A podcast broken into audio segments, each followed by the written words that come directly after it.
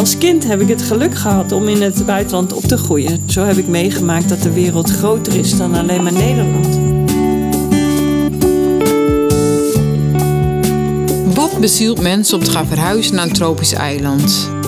Daar gaat deze podcast over. Mijn naam is Marlies Lotte Nicolai.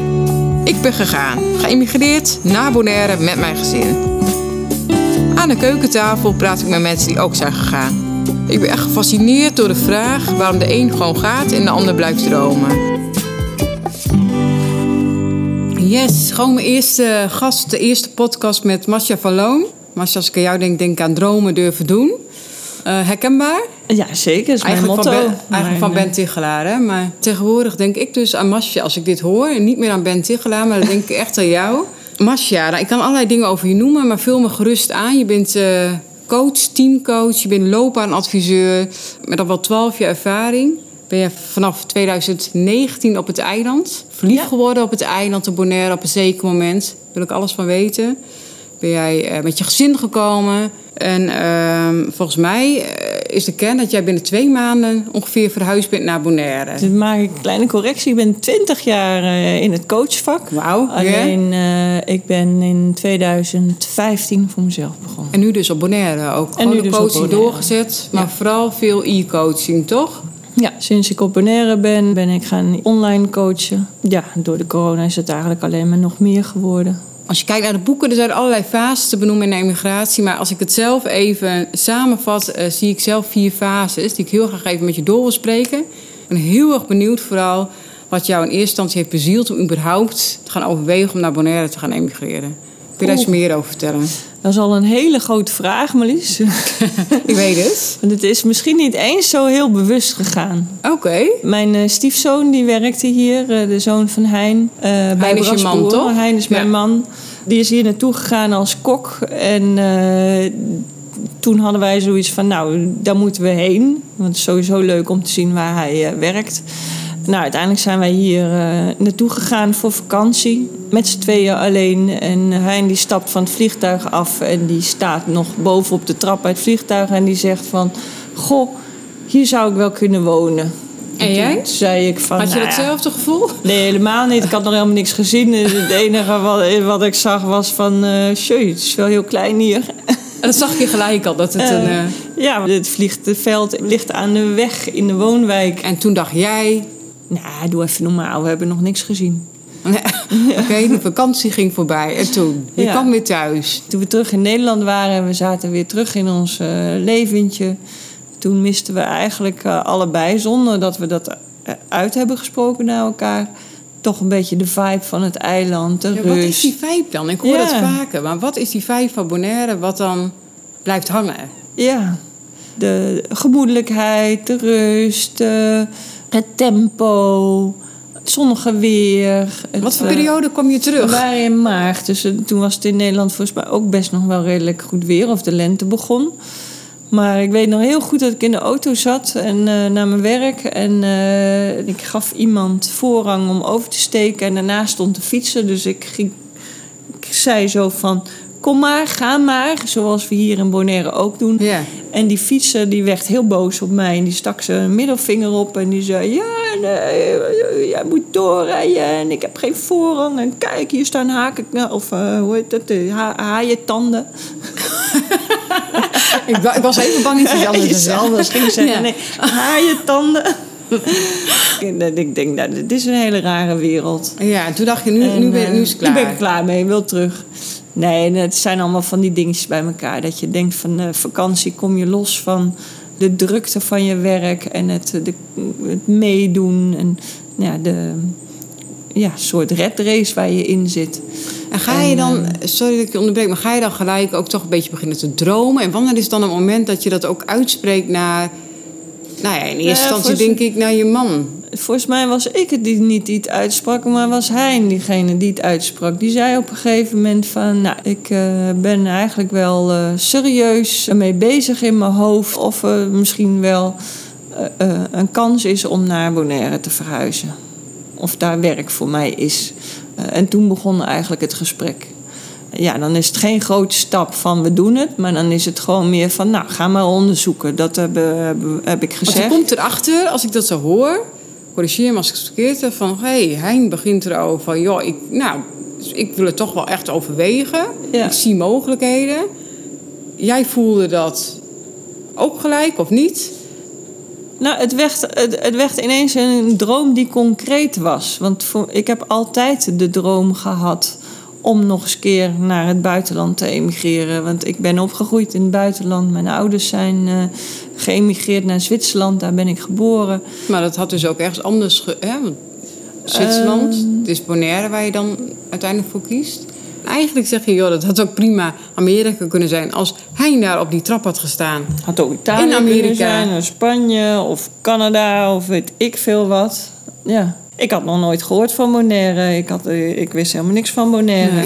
Je had ook in België terecht kunnen komen. Dat was ook Ja, dus wel, dat had ook gekund. Ik, ik ben zelfs ooit via LinkedIn benaderd voor eh, Saudi-Arabië. Daar heb Oh, ik ook nog heel even over gehad met Hein van ja, als coach voor eh oliemaatschappij eh, eh, in Saudi-Arabië. Maar dan moet je op zo'n compound wonen en zo. Ja. En- Had dat, maakt dat dan niet Nou, nee, uit welk het, land het was meer de ervaring. Het-. Voor mij was het meer de ervaring van als kind heb ik dat toch wel eh, als een hele mooie, bijzondere ervaring gevonden om in het buitenland op te groeien. En ehm, dat, dat de wereld groter is dan alleen maar Nederland. En, en met andere culturen, andere mensen vanuit allerlei gebieden. Om daarmee op te groeien en, en de ervaring te hebben van in een ander land te wonen dan waar jouw ouders vandaan komen. Dat dat toch wel een heel bijzondere ervaring is. Ja, dus je op zoek naar een bijzondere Ja. ervaring. Ja, Kan ik het zo stellen? ja. Eh, ja, dat de wereld groter is dan alleen maar jouw dorp of jouw land. Of, en op vakantie gaan en reizen is toch iets heel anders dan ergens wonen. Maar ik had die droom eigenlijk al een beetje opgegeven. Want eh Hein die zei van, eh, nou, eh, Hein heeft nog kinderen uit een ander huwelijk. En was van, ja, ik, ik wil niet weggaan zolang mijn kinderen mij nog nodig hebben. En, en ja, die mogelijkheid was er niet.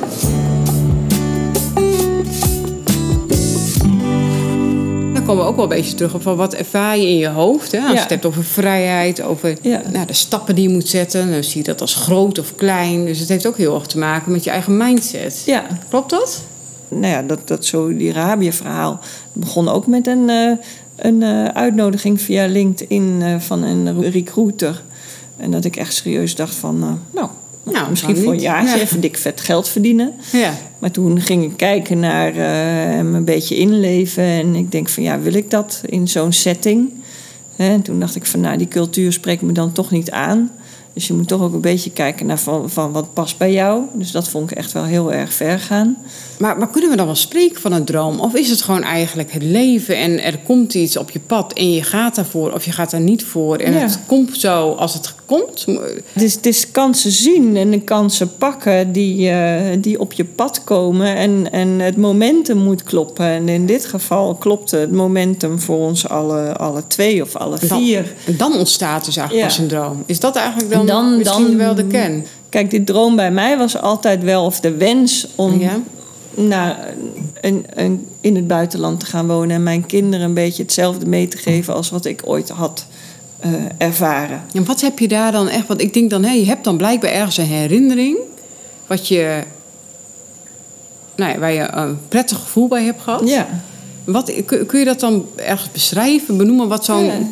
De wereld is, is groter dan een soort gevoel van ergens uit kunnen ontsnappen. Ja. Het is toch een vlucht. Toch een vlucht. Ja. Toch een vlucht. Dan komen we toch weer bij, ja. Ja, dat, dat, en, en dat, zo ervaar ik het nog steeds. Ik heb een tijdje voor een eh, internationale bedrijf gewerkt.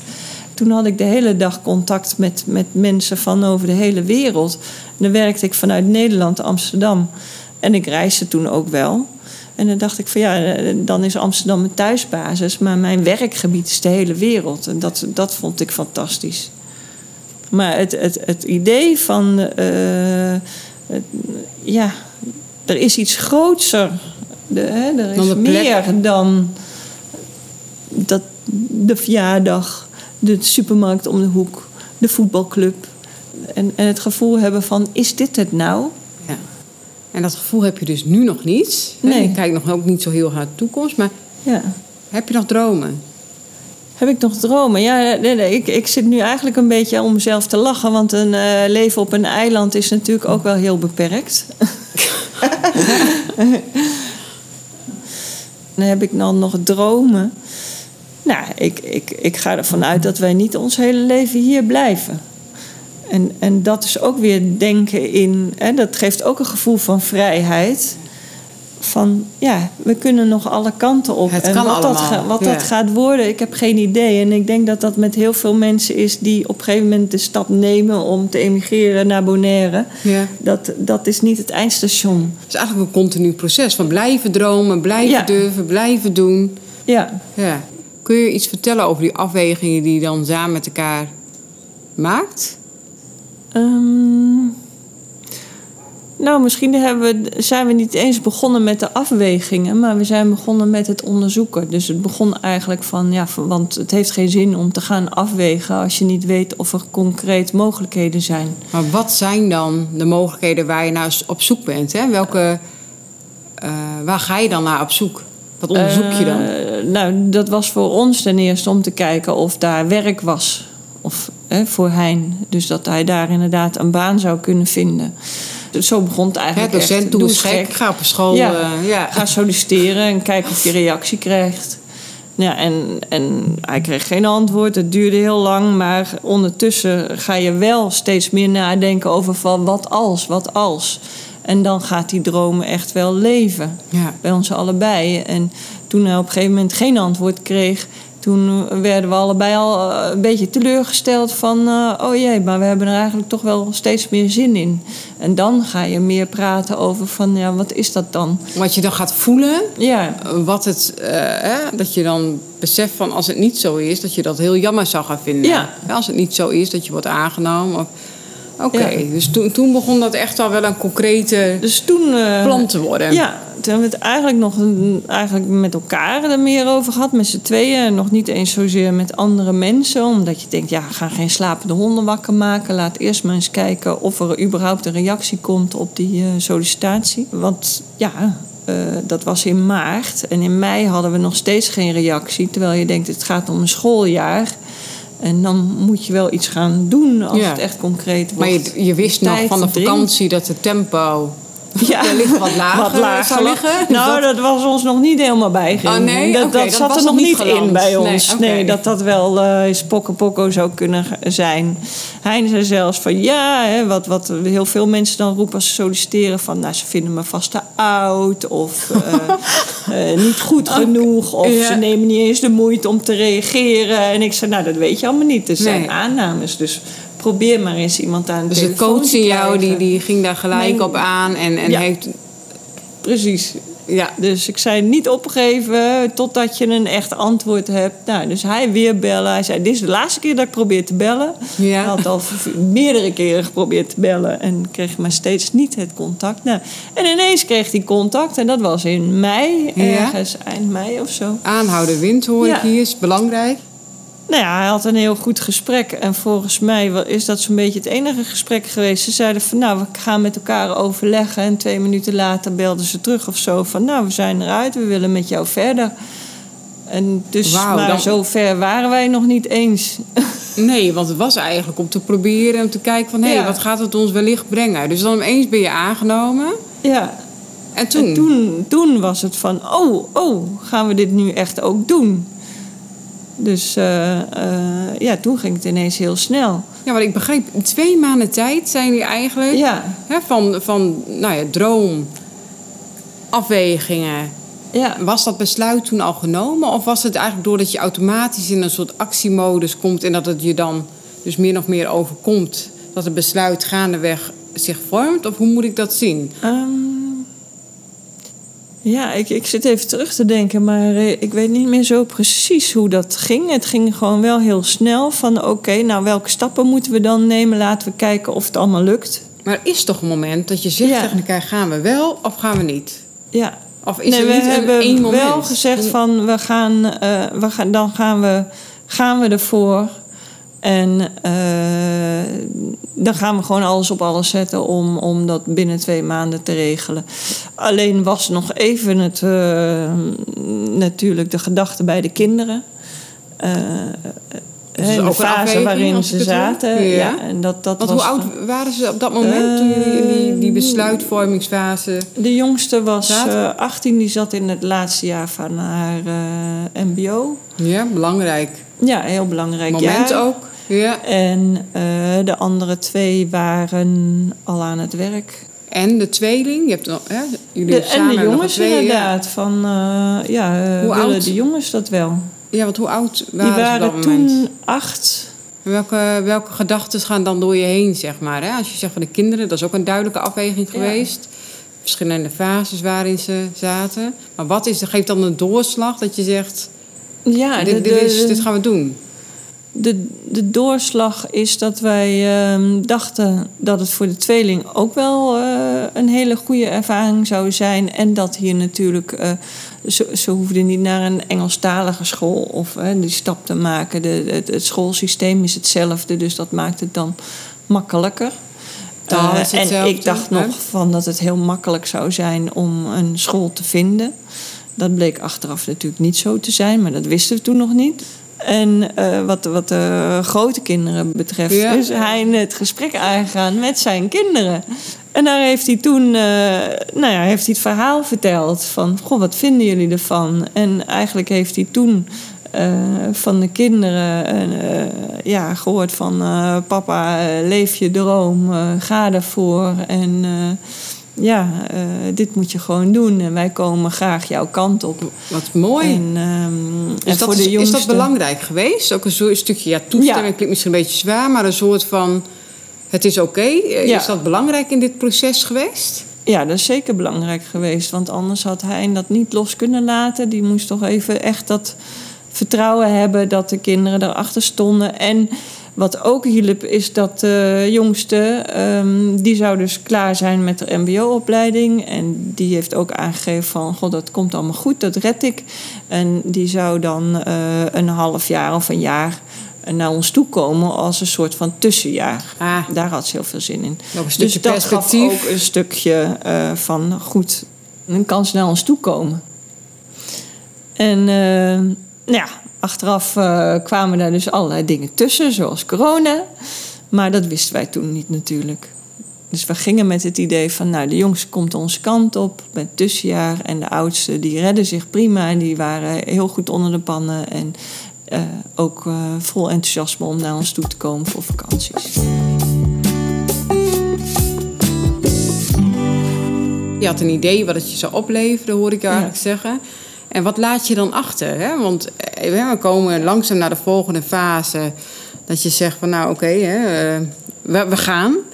En dan, je, je komt bij een stukje afscheid, je komt bij een stukje laatste voorbereidingen. Maar Ja. ook het besef, denk ik, van wat je achterlaat. Kun je daar iets Ja. over vertellen? Hoe je dat Ja. hebt ervaren? En, ja, nou ja, en dat is misschien het punt waar eh, veel mensen misschien dan besluiten niet te doen. Waar wij besloten het wel te doen. Want je laat wel je oudere ouders achter. Ja, dan heb je het En, even specifiek eh, natuurlijk over jouw situatie. Want dat liet je dus achter. Eh, ja, ik laat mijn ouders achter. Hij laat zijn moeder achter. Ja. eh, die ook heel veel zorg nodig had of heeft nog steeds. Je, je laat je vrienden en, en, en, en familie achter. En je zit toch heel ver weg. Ja. En dat, dat is dan lastig, maar dat is een, een keuze die je maakt. En eh, mijn ouders die hebben gezegd van, eh, ja, die vonden het best heel lastig, heel moeilijk. Maar die zeiden van, ja, we begrijpen het volkomen, want wij hebben het ook gedaan.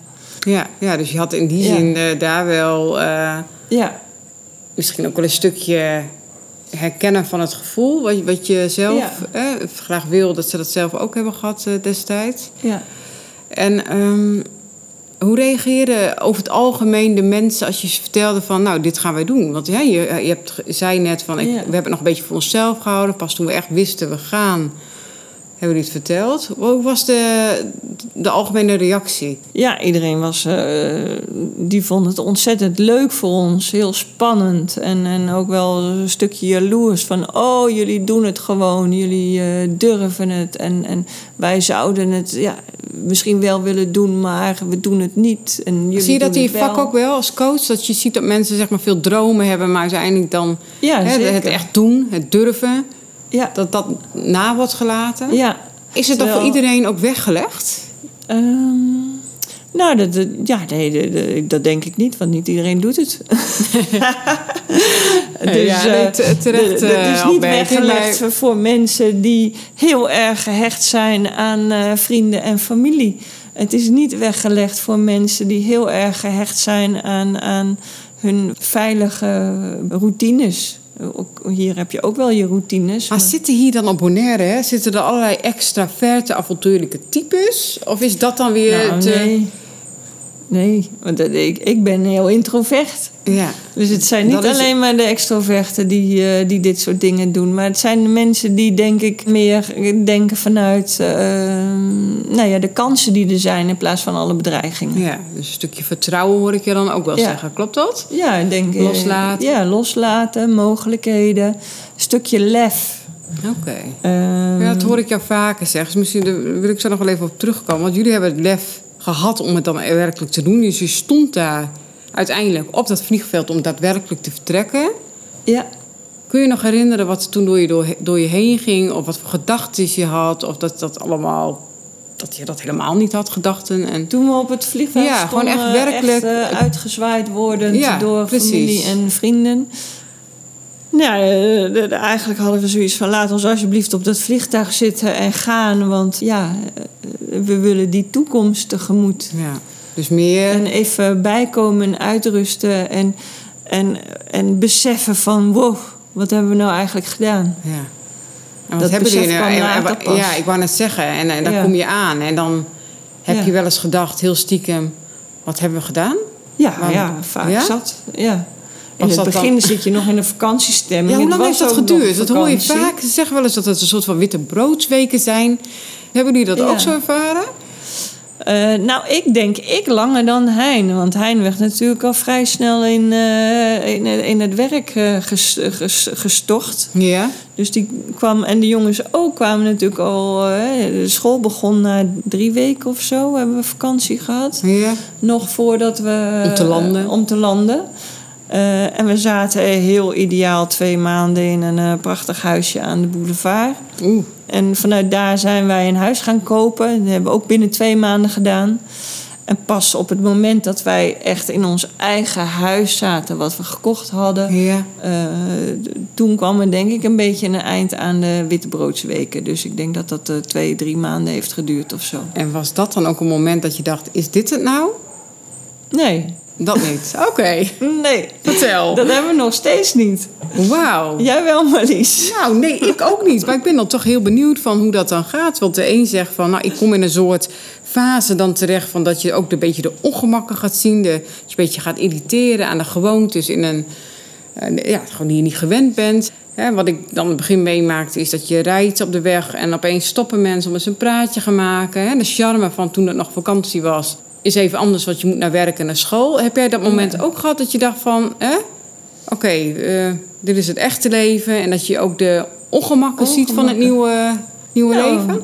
Nou, eigenlijk, eigenlijk niet zo. Want eh, ja, ik zie nog steeds wel die, charme van het eiland. En eh, ja, natuurlijk heeft het heel veel ongemakken. En, en, en we zitten nu in een hele warme tijd. En ik merk wel dat dit is nu de derde keer dat we deze warme tijd hebben. Dat het, dat het me zwaarder valt. Dat ik denk, oh, gaan langer, weer? ja. En kun je dan toch, want ja, ik wil toch ook wel even die hobbels natuurlijk horen en van een realistisch beeld. Maar wat zijn dan hobbels die je misschien hebt ervaren? En, of waarin je dacht van, nou, die heb ik niet ervaren met mijn gezin. Want je gaat niet alleen. Hè? In jouw Ja. geval ben je met je jongens, de tweeling en je man gegaan. Ja. Nou ja, je, je, je, je, je komt dingen op het werk tegen. Dingen lopen niet zoals je wil. Of eh, eh, dingen op school met de kinderen. Dat, hè, ze hebben echt eh, niet een makkelijke tijd gehad. Eh, met scholen hebben we moeten wisselen. Oké. Ehm, dus niet allemaal van een leien dakje gegaan. Ehm, dus dat is dan de realiteit. Ja. Maar daartegenover staan zoveel andere dingen. Ehm, en dan ben je, ja. Dus dat, dat, dan blijft het toch uiteindelijk wel weer aan die positieve kant uitvallen. Nou, mooi, want Ja. is, als, mag ik dan zo zeggen dat die emigratie succesvol is voor jou geweest? Eh, of is? ja, Want je bent ja. er nog steeds. Het is nou niet zo dat wij bewust, eh, je hoort wel eens van mensen die elk jaar even evalueren. Ja. Van hoe staan we erin? Die ken ik ook, Eh, ja. dat, dat doen wij niet. Maar het is wel dat je met elkaar voelt van... eh, goh, eh, of hè, elk jaar gaan we nog naar Nederland. En eh, dan gaan we met heel veel plezier naar Nederland. Maar ik merk ook wel aan ons allemaal... dat we dan ook wel weer blij zijn om terug te gaan. Omdat Ja. je toch merkt van... Ja, we gedijen hier alle vier nog goed. En zolang dat zo blijft en dat zo is... zijn we hier gewoon... staan we achter die emigratie. Voelt dat voor iedereen zo? Of is dat iets echt hè, wat je vanuit je eigen... Ehm, nou, er zijn altijd deelt. wel, wel dingen waar, waar mm, eh, de jongens heimwee naar hebben. Of eh, mijn eh, zoon Thijs, die is heel erg van het, ehm, eh, de bergen, wat meer om zich heen zien. winkels, musea. En die vinden het hier af en toe best wel saai. Ja, Er zijn hier niet zoveel mogelijkheden. Hij vindt het hier ook wel weer heel erg rustig. Ik denk dat als hij in Nederland zou zijn, eh, hij daar een bepaalde onrust ook heeft. maar is dat dan, als ik dat een beetje samenvat... is dat dat dat uiteindelijk een soort balans komt van dingen die... eh nou, de ongemakken, zeg maar de realiteit... versus zeg maar de voordelen eh, die je hebt... ten opzichte van als je in Nederland was gebleven. Dat dat een beetje in Ja. balans komt? Dus eh, eh, zolang, zolang wij de mogelijkheid hebben om eh, nou ja, minstens één keer per jaar van het eiland af te gaan, want die, dat hebben we wel met z'n allen, van Ja. af en toe de behoefte van oh, even van het eiland af. Dan, dan blijft dat in balans. Want dan kun je weer eventjes al die dingen doen die je hier niet kunt. Een soort voorwaarde om het ook Ja. succesvol te houden, zeg ja, maar. is dat je af en toe ook gewoon even weg kan. Ja. Nou dat had je zelf misschien achteraf willen weten. Ik hoor mezelf zeggen van, ja, misschien is het een vlucht, hè? Vlucht voor vrijheid en onafhankelijkheid, maar je laat ook een hele hoop dingen achter. Dus er zijn voor- en nadelen. Nadeel is natuurlijk, en dat heb ik de afgelopen maanden heel sterk gemerkt, dat je je vrienden en familie achterlaat. Maar wat het wel is, ze komen hier naartoe, familie en vrienden. Eh, en als je daar een modus in weet te vinden, als ze hier zijn, dan krijg je een hele hoop quality time ervoor terug. Eh, in Nederland is het allemaal, vind ik, heel vluchtig. Even verjaardagje hier, even koffiebezoekje daar, even etentje. Maar als je hier bent met elkaar, dan heb je gewoon langer de tijd en langer de rust met elkaar. En eh, zo leer je je familie en vrienden ook weer op een hele fijne manier kennen. En dat, dat vind ik wel een van de voordelen. Nadeel is dus dat je ze, als je zelf niet zo erg van het contact onderhouden bent, dat je soms misschien wel heel lang geen contact hebt. Hè? Want je moet jezelf er wel toe zetten om te gaan appen of te gaan facetimen. En dan zit je met tijdverschil. Dus dat, dat is wel een groot nadeel. En daar Niet voor iedereen wellicht. niet voor iedereen. Ja. Ik hoor zelf heel vaak mensen die zeggen: Oh, ik ben zo jaloers. Of ik zou ook zo graag die stap willen zetten. Hè? Dus dromen genoeg. Maar hoe kom je nu, en ik vraag het ook expliciet aan jou als coach. Hoe kom je nu van het dromen, zeg maar, ook tot het durven en doen? Kun je, kun je daar iets over vertellen hoe dat werkt? Ja, ik denk vooral dat het begint met eh, de eerste stap zetten. En als je de e- eerste kleine stap zet, dan volgt de volgende stap. En zo eh, breng je een bepaalde momentum op gang, een bepaalde flow eh, op gang. En stap je op die trein en die trein die gaat dan lopen en dan volgt de rest vanzelf. Ja, dat klinkt echt fantastisch als het allemaal vanzelf gaat. Maar ik, ik, hè? Hoe zou je zo'n kleine eerste stap eens even heel concreet kunnen maken? Kun, Ja. kun je een voorbeeld geven? Even van, hè? Eh, dat zijn nou ja, honderdduizend bij- stappen volgens mij. Want ik hoorde jou zeggen, heel veel moeten geregeld worden. Ja. Maar wat is dan zo'n eerste kleine stap? Nou, bij ons begon het dan met die sollicitatie de deur uit doen. En het ik best een grote stap. gaan eh, bellen. Nou, veel doen. mensen denken op het moment dat ik ga solliciteren... ja, dan, eh, dan is het meteen gebeurd. Maar eh, je hebt natuurlijk een Is heel klaar. proces. En Ja. je moet eerst nog aangenomen worden... en dan moet je gaan onderzoeken. En, hè, dus ik zeg altijd van, doe het nou maar. Ja. En dan kun je altijd... Er is nog niks gedaan of gezegd... tot het moment dat jij je contract hebt ondertekend. Ja. En voordat dat zover is, dat weet jij ook natuurlijk... Ja. Eh, is, gaat er een heel proces aan vooraf. En dan begint eigenlijk, beginnen de stapjes te draaien en beginnen concreet te worden. Dus nou, met het ondertekenen van het contract kregen we ook een lijst van... nou, wat moet je doen als je naar Bonaire komt? Kregen we toen gelukkig toch een lijstje van eh, nou ja, stappen die je moet nemen... documenten die je nodig hebt vanuit Nederland. Ja, is weer een Nou, stapje. Dus weer een stapje van Ja. oké, afspraak maken bij ehm, het gemeentehuis en onderzoeken van nou wat hebben we dan nodig. Dus gewoon kleine stapjes zetten. Een makelaar bellen van goh, wat als wij ons huis te koop zetten? Wat als wij ons huis willen verhuren? Dat stukje gaan Dus eigenlijk onderzoeken. maakt het niet eens zozeer uit welk thema je een eerste stap zet, maar als je maar een klein stapje Als je zet. maar Is die dat wat eerste stap zet. Ja. Ja. En niet meteen gaan denken van kan niet of nee of dit of dat. Nee, begin, zet maar gewoon ergens een stap en ga maar bellen. Ga maar iets doen. Ga maar met iemand praten. En, en zo volgen vanzelf de, de volgende stappen. Met de juf praten op school. Van, goh, hoe, hoe kijken jullie daar tegenaan? Wat denken jullie hoe dat zou zijn voor die jongens om van school af te gaan? Oriënterende Oriënterende stappen. Want eigenlijk hoor ik je ook zeggen, het zijn allemaal stapjes die je dan zet, die nog niet gelijk een groot eh, gevolg hebben, Nee. waardoor je niet meer terug kan. Nee, Is je, dat hebt je- altijd, je hebt altijd ergens een mogelijkheid om terug te gaan als je denkt van ja, nee, hier, dit, dit gaat ons te ver, dit willen we niet doen. Bedoel je dan eigenlijk ook gewoon dingen niet te groot maken? Dingen niet te groot maken, ja precies. Kleine stapjes met elkaar zetten en dan daarbij blijven kijken en voelen van is het voor ons haalbaar, is het realistisch, gaan we dit doen, ja. Maar het ook niet te groot maken in van oh maar als ik dit doe, dan dat. Nee, je, je kan dingen niet overzien. Net zoals wij nu ook hadden bedacht van nou dan komt eh, de jongste dochter Ja. komt dan een half jaar bij ons wonen. En dan Nee, is ze nog we- geweest? Nee, want de corona kwam er tussendoor. Dus Ja. ook dat hadden we heel leuk verzonnen. Maar eh, dat, dat is niet doorgegaan. Nee, dus de kijk niet te ver vooruit, pin je nergens Nee. echt helemaal op vast, hoor ik jou Ja. zeggen. Kleine stapjes nemen. Ja. En, en neem Nederland niet mee naar waar jij naartoe gaat. Maar je neemt jezelf wel mee, toch, Masje? Je neemt wel jezelf mee. En dat, die, die ben ik ook zeker tegengekomen. Oké, gelukkig, een, je eh, bent gewoon mens. Ja, oké. doen. Dus dat hou ik in mijn achterhoofd. Ja. Eh, dus eh, ik zeg niet dat het makkelijk is geweest. En eh, de, hè, bepaal, eh, mensen gaan ook met bepaalde redenen weg. Hè. Dus soms is het ook een soort vlucht. En misschien is het voor mij eh, persoonlijk ook een soort vlucht geweest. ja, wat is het altijd? Want je laat altijd iets achter. Ja, Is het dan automatische vlucht of mo- moet ik het niet zo zien? Nou ja, je, je, je gaat wel met een bepaald idee weg. En, en, en ehm, je gaat voor een stukje vrijheid. Ik denk dat dat, want jij vroeg net van, eh, is het een bepaald type mensen? Ja. wat eh, gaat emigreren. Eh, nou, ik, ik denk dat het zijn niet per se die extra wechtelingen, nee.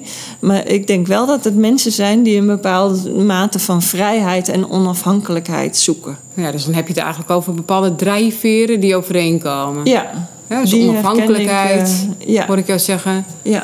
Maar daar kun je jezelf de vraag stellen van eh, eh, waarom zoek ik die vrijheid en waarom is die onafhankelijkheid voor mij zo belangrijk? En uiteindelijk kun je jezelf natuurlijk niet vrijmaken van jezelf. Je neemt jezelf mee. Ja. Nou, dat vind ik een hele mooie. Dat is ook iets... Hè, ik eh, zit zelf in het HR-vak en dat is ook iets wat ik mensen altijd aangeef als ze bij ons komen solliciteren vanuit het buitenland. Van joh, hè, de context is anders, maar je neemt jezelf altijd mee. Ja. En misschien nog wel even extra vergroot in zo'n situatie waarin Ja. natuurlijk niet alles gelijk. eh, waar je ook hobbels tegenkomt. Ja.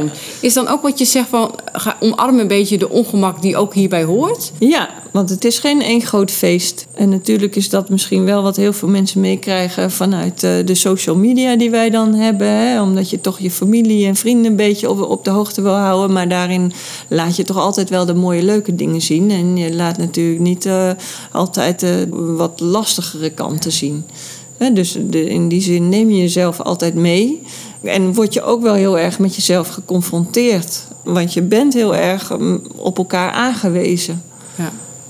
ja, want je hebt nog niet gelijk die sociale omgeving. Nee. Je had het leven al opgebouwd wat je in Nederland ha- had, hè, met vrienden Ja. en dergelijke om je heen. Ja. Dan ben ik wel heel erg benieuwd van, hè, als je dan even al die fases belangs gaat, wat is dan het meest, waar kijk je nou het meest met plezier op terug? Hè? Je bent hier nog, maar als je nou kijkt naar al die fases, waar heb je het meest van genoten? Waar geniet je op dit moment nog het meest van hier op Bonaire? Poeh, ja, nou, daar gaat van alles omheen. Maar eh, Denk er misschien niet te lang over na, want dat is dus Ehm, iets die, nou ja, die hè, er Bonaire vibe, toch? Wat zei je? Het, het, de vibe van Bonaire. de, de Bonaire vibe. Het, Ja. het, eh, ja, het is hier veel meer ehm poco poco. Ja, Eh, inmiddels al gewend? Met, eh, met voor- en nadelen. ja, precies. Wat in Nederland of Europa misschien heel erg heerst van eh, de red race van ik moet zoveel verdienen of ik moet carrière maken of ik moet een groot huis of ik moet een prachtige verbouwing doen. En hier heb ik zoiets van moet helemaal niet. Nee. En dat geeft heel veel rust. Nou, mooi. En of even- dat nou is doordat ik me dat laat opleggen door Nederland of, of wat ik denk dat er aan mij wordt opgelegd of dat ik dat, ik dat hier makkelijker los kan laten. Ja, maar de realiteit is dat je meer rust ervaart. Ja, misschien ook omdat je minder keuzes hebt hier, dat je een veel rustiger leven hebt. Ik heb niet de keuze van, eh, oh, ik moet een citytrip doen dit weekend. Of, oh, ik. eh, Rincon of Kralendijk. ja. ja, wat gaan we deze keer doen? Of, eh, oh, er is een tentoonstelling en oh, ik moet die film zien. Of, oh, ik moet naar dat. eh, nee. Hey, als ik jou vijf jaar weer spreek, en dan? Zitten we hier dan nog hier op Bonaire aan de keukentafel met af en toe een vliegtuig die opstijgt? Of... Ja, Marlies, misschien wel, misschien niet. Vijf jaar is eh, heel ver om te kijken. En het is weer heel erg Nederlands. Om Nou ja, dan kan eh, ik concluderen dat jij toch echt goed bent geland. Dat, eh, Ja. Nee, want eh, het is hier echt eh, dag voor dag. En de- ik heb zo'n man die eh, leeft van dag tot dag. Een week is al te ver vooruit kijken. ja, ja, oh, dat lijkt me ook wel soms lastig, gewoon in praktische zin. Soms is het lastig Ja. plannen. Ja, Maar eh, je hebt daar ook een modus voor gevonden. daar hebben we ook een modus in gevonden. Ja. Ja, mooi. Dankjewel, Masje. Graag gedaan, Marlies.